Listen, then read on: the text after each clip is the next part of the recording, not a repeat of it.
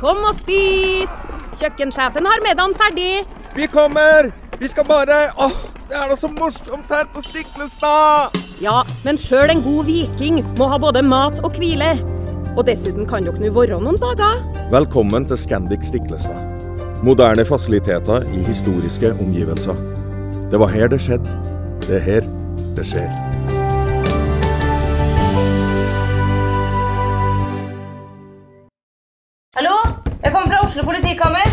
Ine Jansen er purk. Er du purk? The motherfucking bitch. Alt jeg vil, er å finne ut hva som skjedde med mannen min. Jon Carew. Er jeg sikta for noe? Iben Akeli. Det er du. Ole So, Lars Berrum og Big Daddy Karsten. Hvem sin side er du på, egentlig? Anette Hoff, Tone Danielsen, Kommer du fra Afrika? Jørnis Josef, Nesten. Kløfta. Trond Espen Seim, Det er synd å si det, men det var feil mann som døde. Purk. Premiere tirsdag på TV2 Play.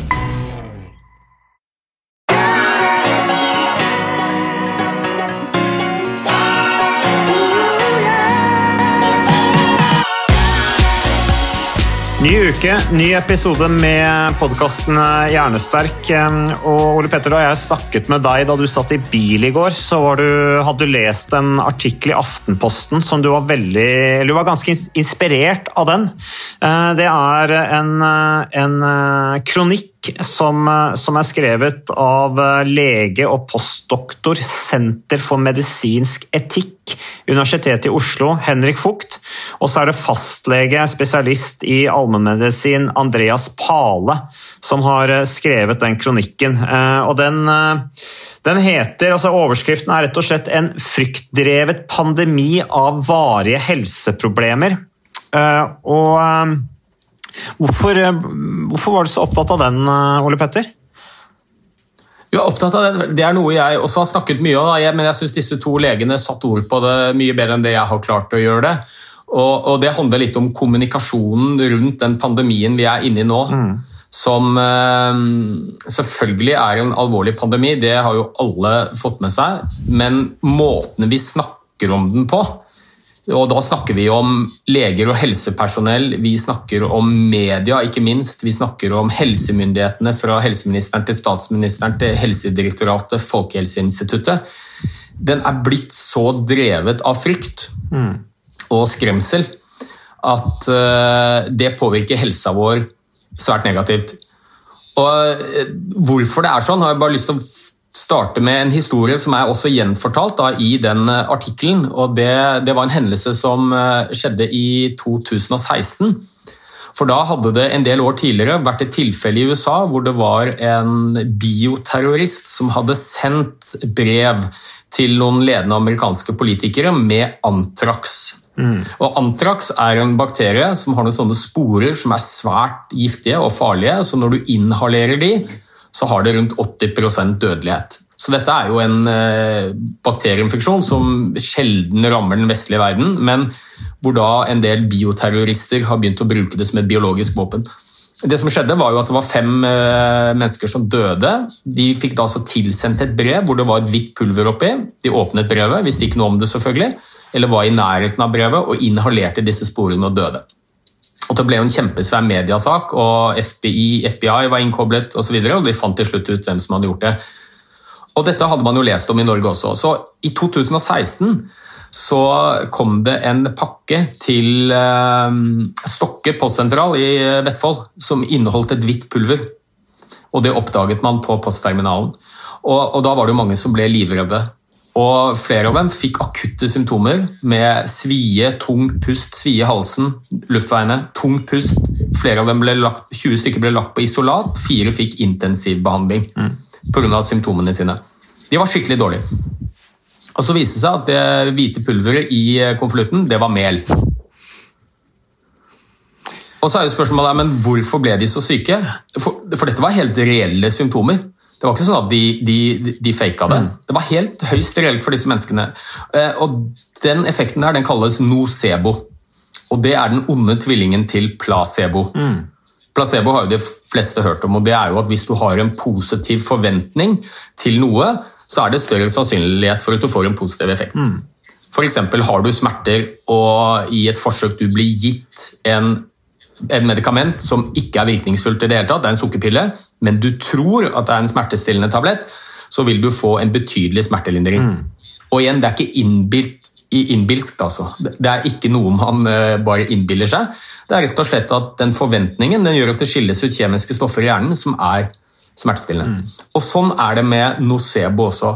Og det handler jo om at hvis du tror at noe er veldig farlig, kanskje farligere enn det det egentlig er, så er det mye større sannsynlighet for at du opplever symptomer. Eh, Og i dag så tenker jeg at du er helt normal hvis du er bekymra for covid-19. Jeg har jo pasienter som jeg- jeg tror ikke knapt noen gang i livet har bekymret seg for å bli syke. Og nå snakker vi om alvorlige sykdommer. som de, de, de har ikke tenkt tanken engang, men de er livredde for å få covid-19. Familier som holder barna sine mer eller mindre isolerte, tør ikke å gå ut, tør ikke å gå i butikken. Uh, altså jeg hører mange av disse historiene, for de er så livredde for at man skal bli smittet med covid-19. Og det er ikke så rart at man er det. Fordi det finnes ikke en overskrift som er positiv noe sted. Altså alt handler bare om hvor farlig dette er. Leger som ønsker kraftigere restriksjoner, går ut i media og snakker om at vi kommer til å få overfylte likhus, mennesker kommer til å kveles på sykehus fordi de ikke får respiratorbehandling. Vi leser om alle disse senkomplikasjonene som følger i kjølvannet av covid-19. Og, og, og da tenker jeg at disse to legene treffer eh, spikeren på hodet. Eh, og vi skal selvfølgelig ikke underkjenne det at covid-19 kan være veldig alvorlig for en del pasienter, og det er senkomplikasjoner. Men det er god grunn til å tro at mange av de historiene vi hører om hvor fryktelig det er å ha gjennomgått en covid-19-infeksjon, hvor lenge symptomene henger ved, hvor farlig det er å få sykdommen, om, en del av det handler om den nocebo-effekten. Troen på at det er veldig farlig, gjør at du får flere symptomer. Og i en sak har jeg lyst til å si at det er ikke noe man innbiller seg. Vi, vi liker jo å tenke, at vi har fysiske symptomer og at vi har mentale symptomer. Liksom, ting sitter i hodet på deg. Men det er ikke noe skille mellom det. Symptomer er jo din subjektive oppfattelse av situasjonen, og den styres av hjernen din, av hjernen din alene. Så det, er, det, det finnes ikke fysiske og mentale symptomer, det finnes bare symptomer. Og jo mer du blir pepret med informasjon om hvor farlig noe er, jo flere symptomer vil hjernen din tolke. Men Ole Petter, er det sånn da at eh, hjernen lurer oss? Ja, hjernen lurer oss stadig vekk, og det, det, er jo ganske overraskende for mange. Vi tenker på hjernen som ganske ufeilbarlig, det er den mest avanserte strukturen vi kjenner til. Hjernen kan vel ikke ta feil, men vi blir jo stadig vekk lurt. Og akkurat dette rundt bekymring og frykt er jo et godt eksempel. Vi må huske at frykt og bekymring det er et overlevelsesverktøy. Mm. Altså Hjernens viktigste oppgave sånn rent evolusjonsmessig, det er å ta gode valg for oss mennesker, sånn at vi lever lenge nok til å reprodusere. Og vi blir redde. Det er jo når vi havner i situasjoner som hjernen oppfatter som truende, hvor vi, vi må endre atferd for å unngå å dø. Så, så, så enkelt er det. Og så er jo litt av saken nå da, det, det der var jo livreddende på savannen. ikke? En fiende som kom mot deg, et kraftig smell, endring i miljøet, det var tegn på at nå er det et eller annet farlig som skjer. Jeg blir redd, det gjør at jeg endrer atferden min, jeg flykter eller jeg slåss. Og så kan vi jo spole fram til i dag, så har vi jo egentlig få akutte trusler mot vår egen overlevelse. Vi lever i den tryggeste delen av verden, i den sånn rent tidsmessig i den tryggeste perioden noensinne på denne planeten. Men den delen av hjernen som styrer frykt, den er primitiv, og den er her fortsatt i dag. Og vi blir jo stadig vekk lurt. Hvor mange mennesker er det ikke som er livredde for å fly? Så Det er ganske mange, og det er ganske naturlig eh, å være redd for å fly. Det er unaturlig for mennesker å sitte opp i en metallboks og, og fyke av gårde eh, på himmelen. Ja, mange har Men jo angst for det. Mange har det. Og, og um, Rent statistisk så vet vi jo at det å, å fly, det er ikke farlig. Det er kanskje den tryggeste transportformen vi har. Det er farligere å sykle. Det er farligere å gå på fortauet langs en vei, og det er mye farligere å kjøre bil. De tingene er vi ikke spesielt redde for. Så Dette er jo et godt eksempel på hvor hjernen lurer oss. Det er ikke en trussel mot vår overlevelse å fly, men vi blir redde. Vi blir bekymra. Men det kan være en trussel å sykle i trafikken, f.eks. Det er vi ikke redde for. Eller kanskje et enda bedre eksempel er jo at vi, livsstilen vår det å røyke, det å spise usunt, det å ikke bevege seg, det er farlig, det. Men det er det ikke så mange som bekymrer seg for. Så ja, hjernen vår lures stadig vekk. Og jeg pleier å, å sitere en uh, som jeg har veldig respekt for, som er veldig flink, som heter Ingvald Wilhelmsen. Han er lege, psykiater, kjent som hypokonderlegen. Og han har jo mange pasienter hos seg som vil bli kvitt frykten sin og angsten sin, for de er engstelige for sykdom. Og, og så sier de til han da at vet du hva, du må hjelpe meg å bli kvitt frykten min. Og så sier han nei, men jeg kan jo ikke hjelpe deg å bli kvitt frykten din. Da blir du jo drept i første lyskryss. Ikke sant? Frykt skal vi ha, men frykt og bekymring må være en venn i nøden, ikke en fiende i hverdagen. Med andre ord, ja, vi skal bli redde når det er ting som gjør at vi må endre atferd for ikke å skade oss og bli syke, men, men, vi må ikke gå rundt og konstant bekymre oss. Eh, for da er det en fiende i hverdagen. Og det å gå rundt og bekymre seg over tid, 24-7, det, det, er jo flere ting som er problematisk med det, sett i lys av covid-pandemien. Det ene er jo at å gå rundt med en uttalt frykt og redsel for å bli smittet av covid-19, det, det, skaper en kronisk stressreaksjon i hjernen din mm. som er veldig lite bra for helsa. Det øker blodtrykket, det, for du får dårligere blodsukkerregulering. Altså, det er rett og slett en risikofaktor for å bli syk, det å gå rundt og være veldig stressa. Og det andre er jo at hvis du får covid-19 og er blitt så farget av mye av den skremselspropagandaen vi leser om i, eh, i mediene, så er det mye større sannsynlighet for at du blir mer alvorlig syk. Mm. Og får komplikasjoner lenger fram i tid. Det er ikke den eneste grunnen, selvfølgelig, for eh, covid-19 kan gi disse komplikasjonene. Men jo mer du bekymrer deg og blir farget av den kommunikasjonen vi ser i dag, jo større sannsynlighet er det for at du får et mer langdrygt syke... Ja, sykdom mm. og flere senkomplikasjoner. Så poenget mitt er at ved å ha så mye styrt av skremsel og frykt i kommunikasjonen, så gjør vi oss selv, både på individnivå og folkehelsenivå, en bjørnetjeneste. Flere... Så jeg etterspør en litt mer balansert uh, kommunikasjon rundt covid-19. Men det er jo litt sånn dilemma her, da, Ole Petter, fordi at uh, her kommer det en eh, pandemi som de er redd for at skal fylle opp sykehusene. Um, og miste kontroll på det og føre til massedød. Og så er det noen som da er ansvarlige, og det er jo myndighetspersonene, politikerne f.eks. Eh, og så har du Bent Høie da, og Erna Solberg som da skal kommunisere dette her ut til folket. Og så er jo de selvfølgelig da veldig redde for å signalisere at ja, covid-19 er farlig. Det rammer særlig de som kanskje har underliggende sykdom. Eh, men det er ikke noe dere trenger å bekymre dere så veldig for. Da vil jo da folk eh, tenke at å ja, men dette her er jo ikke så farlig. Så, her, eh, så vi, trenger, det er ikke så nøye om vi følger smittevernreglene helt etter punkt og prikke. Ikke, tror du ikke at den, måte, den der massemobiliseringen som skjer nå, også rent sånn kommunikasjonsmessig handler veldig mye om det da, at vi skal være på den sikre siden. Så vi, vi, vi, press, vi skal, vi kommuniserer kanskje litt ekstra eh, i forhold til det som kan, kan gjøre oss bekymra? Jo da, og jeg innser jo selvfølgelig at det er en helt håpløs situasjon eh, kanskje spesielt politikerne som skal ta avgjørelser, står i. Det er, det er, fryktelig vanskelig, og det har jeg full forståelse for. Og jeg syns jo mange politikere, Bent Høie bl.a., har vært veldig flinke. Han snakker mye om krafttak vi nå gjør fordi vi snart skal kunne begynne å leve normalt igjen, sånn som alle selvfølgelig ønsker. Men jeg syns mange, og kanskje spesielt i media, så, så, snakker vi bare om antall syke, antall døde, smittetrykk, R-faktor Altså begreper som egentlig er, er forskningsmessige be, begreper som politikere og de som uh, tar disse avgjørelsene, så godt som aldri har snakket om. Det er vanskelige tall å forstå, og det er mange flere nyanser enn det som kommer fram. Vi snakker om muterte varianter fra Sør-Afrika. Altså, alle virus muterer, det har vi kjent til i hundrevis av år. Mm. Altså, forkjølelsesviruset muterer mer enn noe annet virus. Det er helt naturlig at vi gjør det. Det er ikke fordi at nå er det blitt ekstra ekstra farlig. Så det er helt naturlig. Så, så jeg savner litt, kanskje spesielt i media, da, og blant min egen uh, gruppe legene, sånn leger som står fram og, sier at nå må vi ha strengere restriksjoner, ellers så kommer likhusene til å bli overfylt. Eh, Vi kommer til å ha køer på intensivavdeling, mennesker som kommer til å, å kveles fordi de ikke får respiratorbehandling.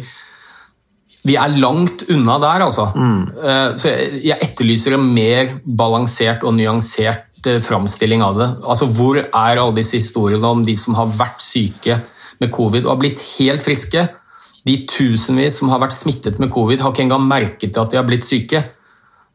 Ja, covid er skummelt, men det er ikke så farlig for folk flest som det man får inntrykk av når man leser avisene. Og, så, og det er jo et litt paradoks.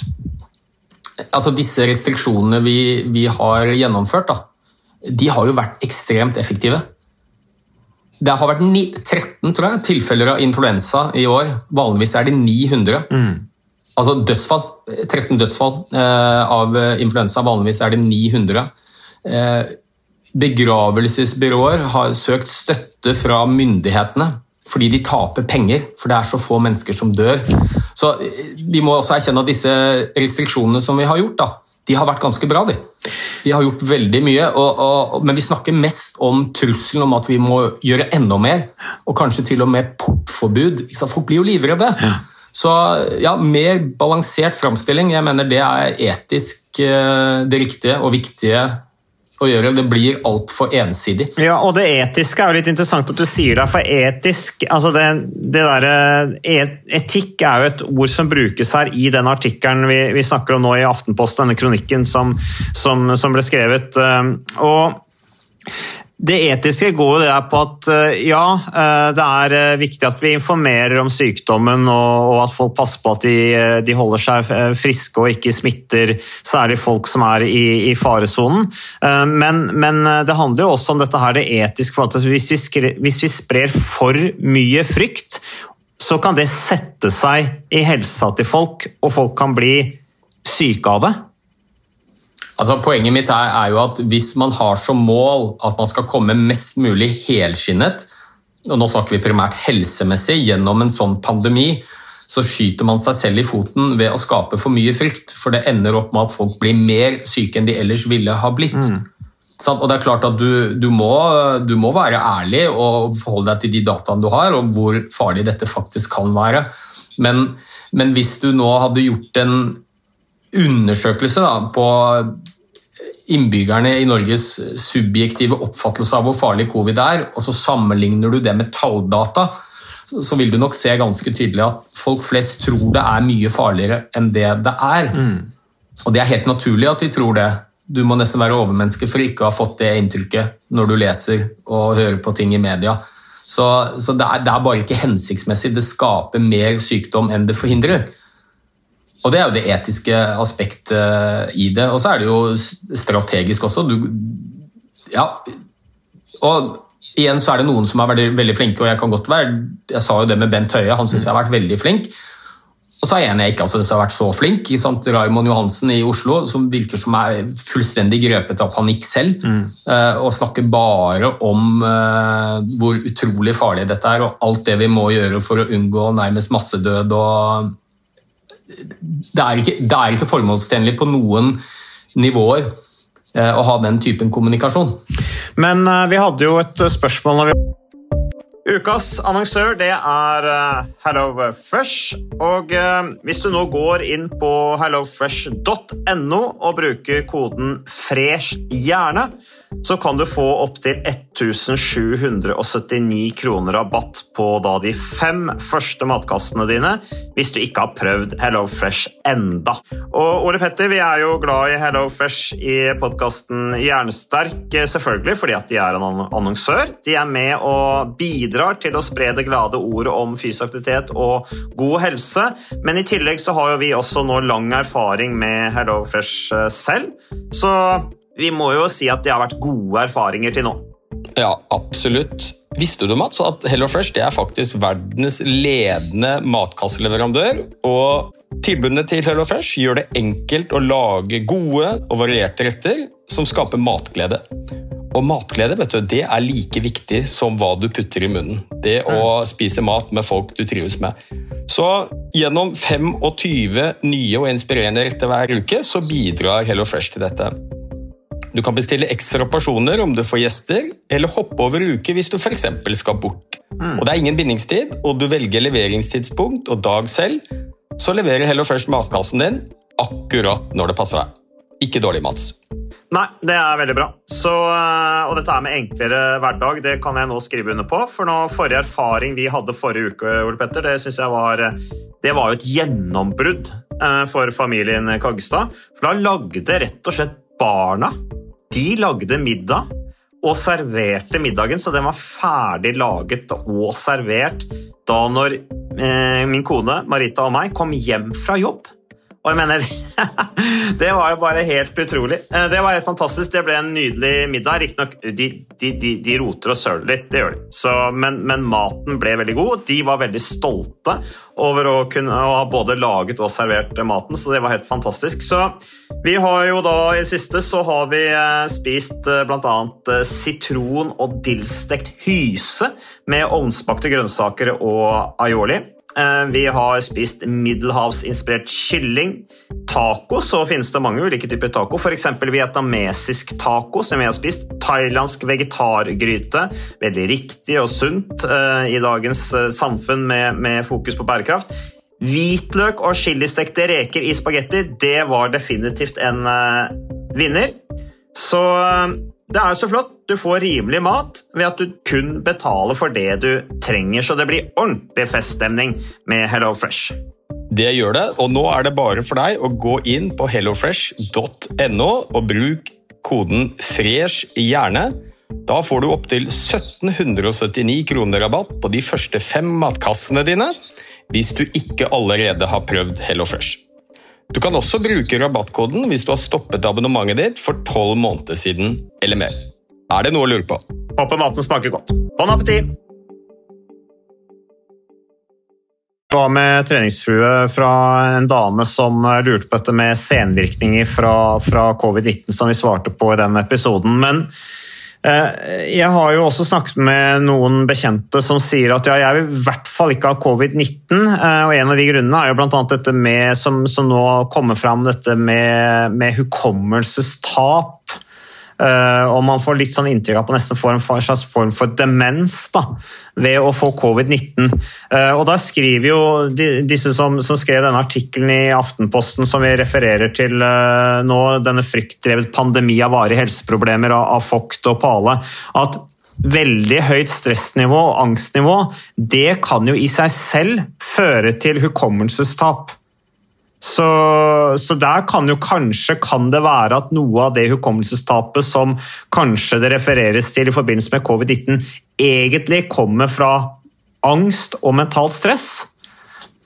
Ja, altså Jeg kan ikke si det, tror jeg ikke noen kan si, om dette med sånn hjernetåke og ull i hodet, som er litt sånne ja, folkelige betegnelser på det en del opplever da, etter covid-19. Det er selvfølgelig veldig vanskelig å si om det skyldes covid-19. Mm. Igjen, Det er en ny infeksjon. Vi har ikke nok data over tid med nok mennesker til å si om det er en årsakssammenheng. Vi ser at det er en sammenheng, men vi vet ikke hvorfor. og Da er jo et av aspektene som du snakker om, det er jo frykt og stress og angst. En av de viktigste årsakene til opplevd hukommelsestap. Og Sitter du nå og hører på og har hatt covid-19 og føler dette, så prøver absolutt ikke jeg å si at vet du hva, dette innbiller du deg. Dette er ikke covid-19, det er angst og redsel. Altså, det er, helt, det er, akkurat like reelt uansett hva det skyldes, men det er grunn til å tro at når en stor andel av befolkningen går rundt i nærmest konstant frykt og bekymring for å få covid-19, så vil det gi en del symptomer som ikke er direkte relatert til covid-19. Mm. Men akkurat hvor vanlig det er ved covid-19, det vet vi ikke ennå. Men det har jo litt med skam og sånne ting å gjøre, Ole Petter, dette her, at det er mye jeg tror det er mye, altså En ting er å ha frykt for å bli syk og eventuelle senvirkninger av den sykdommen og ubehaget som fører med en sykdom. Uh, eventuelt også dette her å smitte folk som ikke bør bli syke, for de er i, i risikosonen.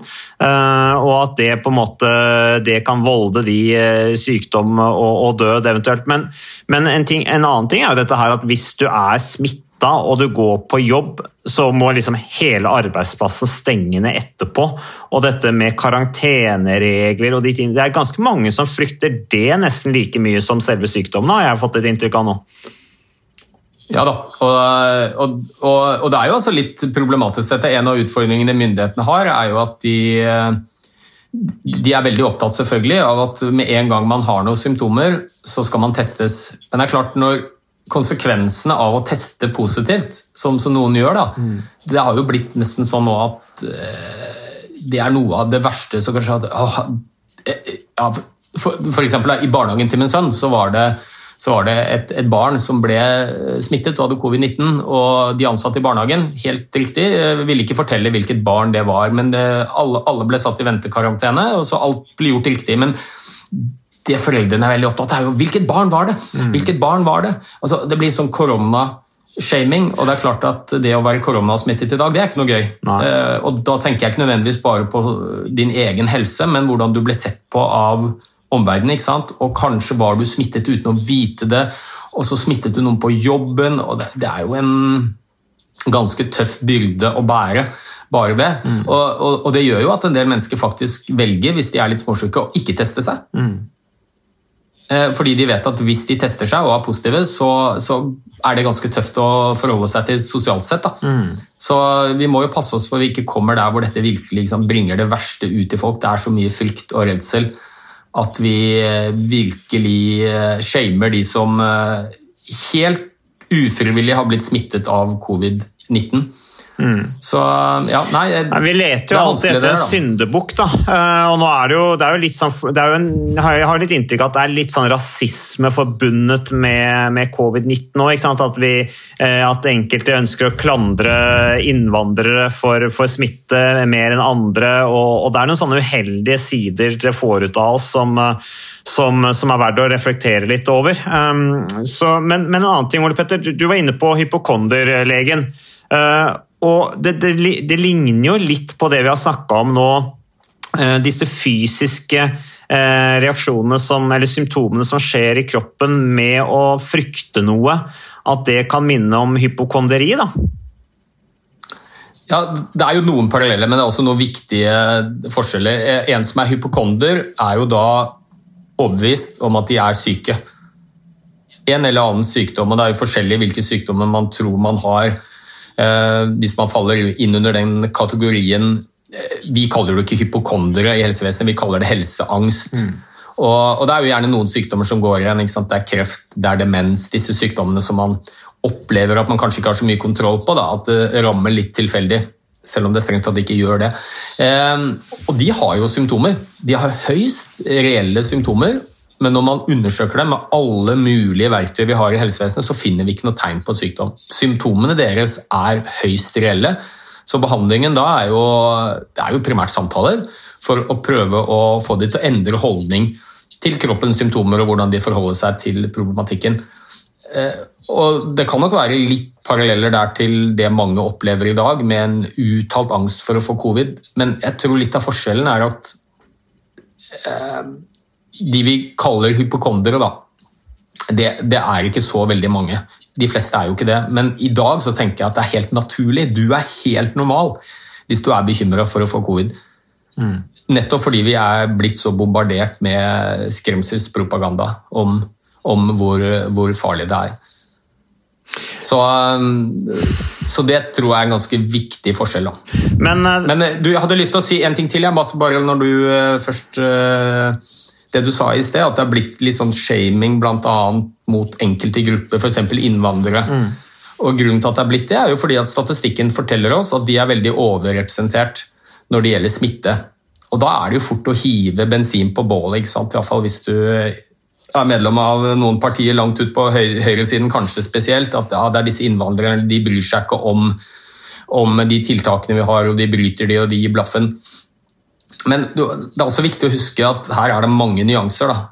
Veldig mange av, av de som er fra andre land, innvandrere til Norge, de har helt andre ikke alle, men mange, helt andre boforhold. Altså, de har ikke hytte på fjellet, de har ikke en villa med fem soverom. De bor ofte i mindre leiligheter hvor det er helt nødvendig. Altså, de bor mye tettere. Mm. Veldig mange av de, ikke langt ifra alle selvfølgelig, men de er overrepresentert i de yrkene med nær kontakt med andre mennesker. De kjører taxi, og nå høres kanskje jeg litt sånn stereotyp ut, mm. men de er overrepresentert der sammenlignet med nordmenn. Renhold, eh, butikkarbeidere altså som er i nær kontakt eh, med andre. Så, så det er jo grunn til å tro at det er den viktigste grunnen til at de er overrepresentert på smitte. Men så kan det nok også være at i, en ting vi må huske er at eh, nordmenn har veldig stor grad av tillit til myndighetene. Mm. Det er en av de tingene som kjennetegner demokratiet i Norge, at vi stoler på politikerne våre. Vi, eh, de aller fleste nordmenn tenker at dette er vanlige folk som sitter på Stortinget, de vil meg vel. Mm. I en del andre land, og kanskje spesielt mer sånn totalitære regimer, og sånt, så er det uttalt skepsis til myndighetene. Fordi man over tid har sett at de vil ikke alltid en vel. Nei. De er mest der for å mele sin egen kake, og da er det jo helt naturlig at man ikke har samme tillit til myndighetene. Og det vil selvfølgelig kunne farge atferd når man flytter til et annet land. Ja, og det, det, er jo også en av grunnene til at det er uh, mer bruk av virkemidler som portforbud i enkelte andre land enn det er i Norge, fordi at vi har vi, har, vi, er et uh, samfunn hvor vi er relativt uh, lojale da, mot de beslutninger og de råd vi får fra, fra, fra myndighetene. Så det kan nok uh, stemme, ja. Men videre, Ole Petter? Skulle... Nei, for da har jeg snakket mye om dette med, med frykt, og, og, og, det legges fram som at covid er farligere enn det er. Og, og jeg har jo bare lyst til å si at alle disse restriksjonene som vi har, de har vært veldig effektive, og de mener jeg selvfølgelig at vi skal følge. Vi må gjøre alt det vi kan for å ikke bli syke selv, eh, ikke smitte andre, kanskje vel så viktig for de fleste av oss. Eh, holde avstand, sprite, gjøre, bruke munnbind, alle de tingene vi skal gjøre, men prøve å unngå å gå rundt og altså bekymre oss for mye. Vi skal ikke tenke at dette er helt ufarlig og vi gir blaffen langt ifra. Altså, gjør så godt du kan. Og så prøv å ikke lese for mye om covid-19 i eh, media. Det tror jeg kanskje er en av de beste helsetipsene. Mm. Vær ute, beveg deg.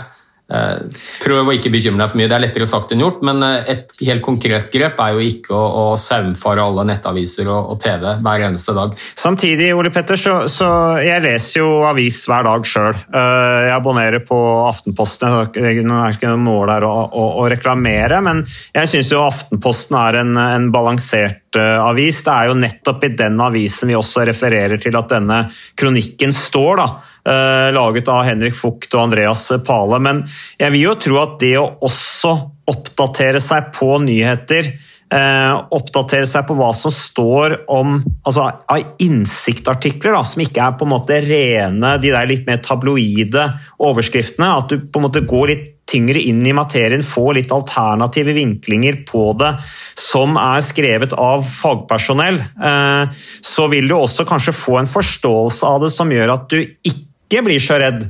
Eh, for det er jo gjerne overskriftene der de på en måte lette nyhetene. Eh, det er gjerne det som først kommer opp på, på sosiale medier osv. Som, som, som, som gjør at kanskje det blir noen oppfatninger som ikke er riktig, og som fører til unødvendig frykt. Så det er å, å søke kanskje litt andre vinklinger enn de tabloide førsterekke nyhetsartiklene kan være en idé. Ja. da, og jeg mener selvfølgelig ikke at man ikke skal eh, prøve å holde seg oppdatert og følge med, men jeg tror det er mange som bruker eh, ekstra mye tid, mye mer enn de vanligvis gjør. da. Uh, og det er, det er, veldig lett å havne i den fella, mm. fordi det er så mye om det. Det er overalt. Og jeg er helt enig med deg, prøv å unngå de aller mest tabloide overskriftene rundt covid. Og så er det mange, forskning.no, Vitenserien i Aftenposten, veldig nyttig. Eh, og kanskje prøve å unngå å forholde seg primært til Facebook. For mm. der er det jo sånn at hvis man har en tanke om covid, f.eks. La oss si at man er veldig skeptisk til myndighetenes restriksjoner og mener at covid-19 ikke er så farlig, og at myndighetene overreagerer. og du hvis det er synet ditt, og du har lest noen artikler på det, så kan du være helt sikker på at det er akkurat de samme tingene som kommer inn i Facebook-feeden din. Så det blir fort litt sånn ekkokammer. da. At du hører bare gjengi det du selv mener, og det er veldig vanskelig å få litt mer nyansert syn på det hvis det er det eneste du forholder deg til. For eksempel, For sånn er jo internett i dag. ikke sant? De, de skreddersyr jo informasjonen til deg basert på dine holdninger og tro rundt, eh, og viten rundt eh, et emne.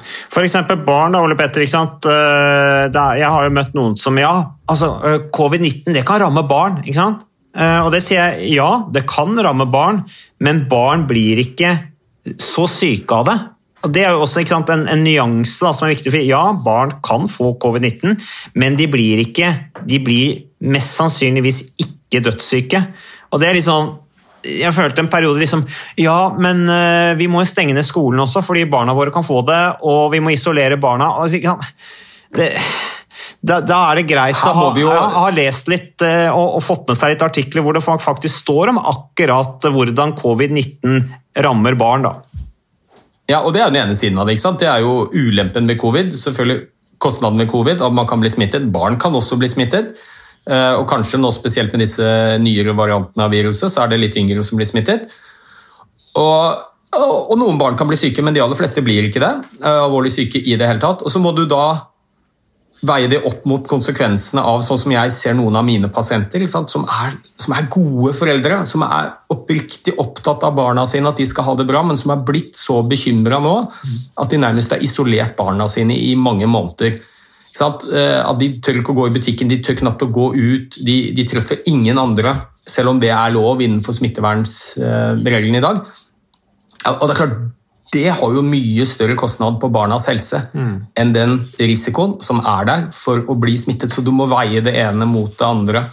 Det er en vanskelig balansegang, men uh, Ja, Der er etisk, der er det et etisk dilemma. Hvis vi skal, liksom, hvis vi skal den, gå tilbake til den artikkelen vi refererer, eller den kronikken da, vi refererer til i Aftenposten, det er et etisk dilemma hvor mye frykt vi skal påføre hverandre, for det kan faktisk føre til at du blir, blir syk av noe du ikke nødvendigvis hadde blitt så syk av, eller du kan bli enda sykere av en sykdom som du kanskje eh, normalt sett blir relativt raskt friskt, fra, friskt av. da.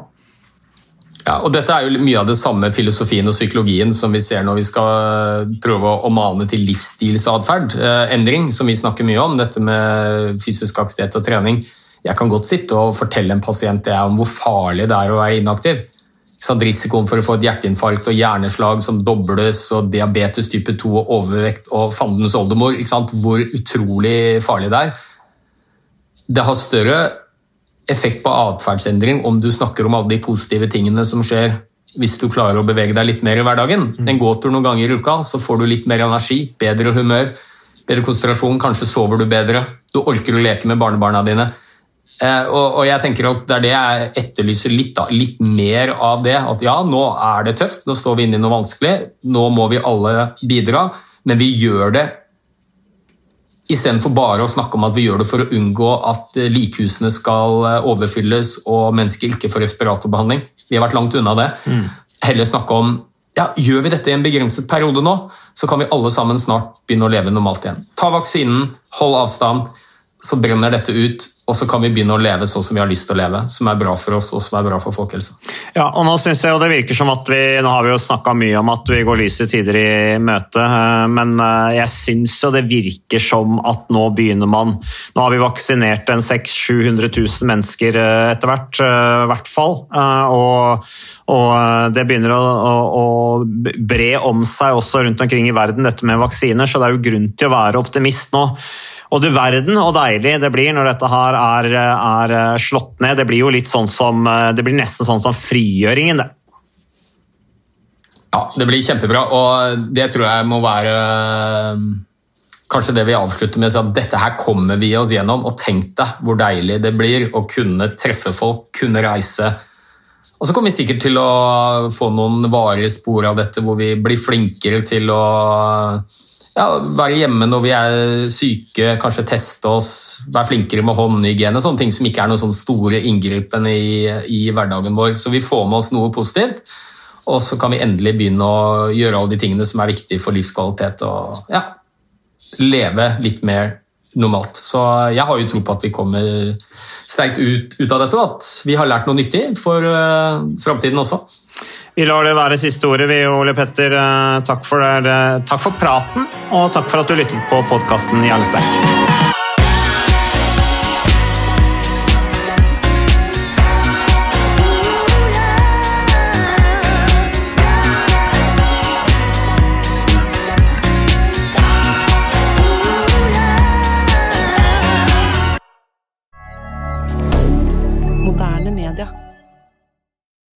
Har du et enkeltpersonforetak eller en liten bedrift? Da er du sikkert lei av å høre meg snakke om hvor enkelt det er med kvitteringer og bilag i fiken, så vi eh, gir oss her, vi. Fordi vi liker enkelt. Fiken superenkelt regnskap.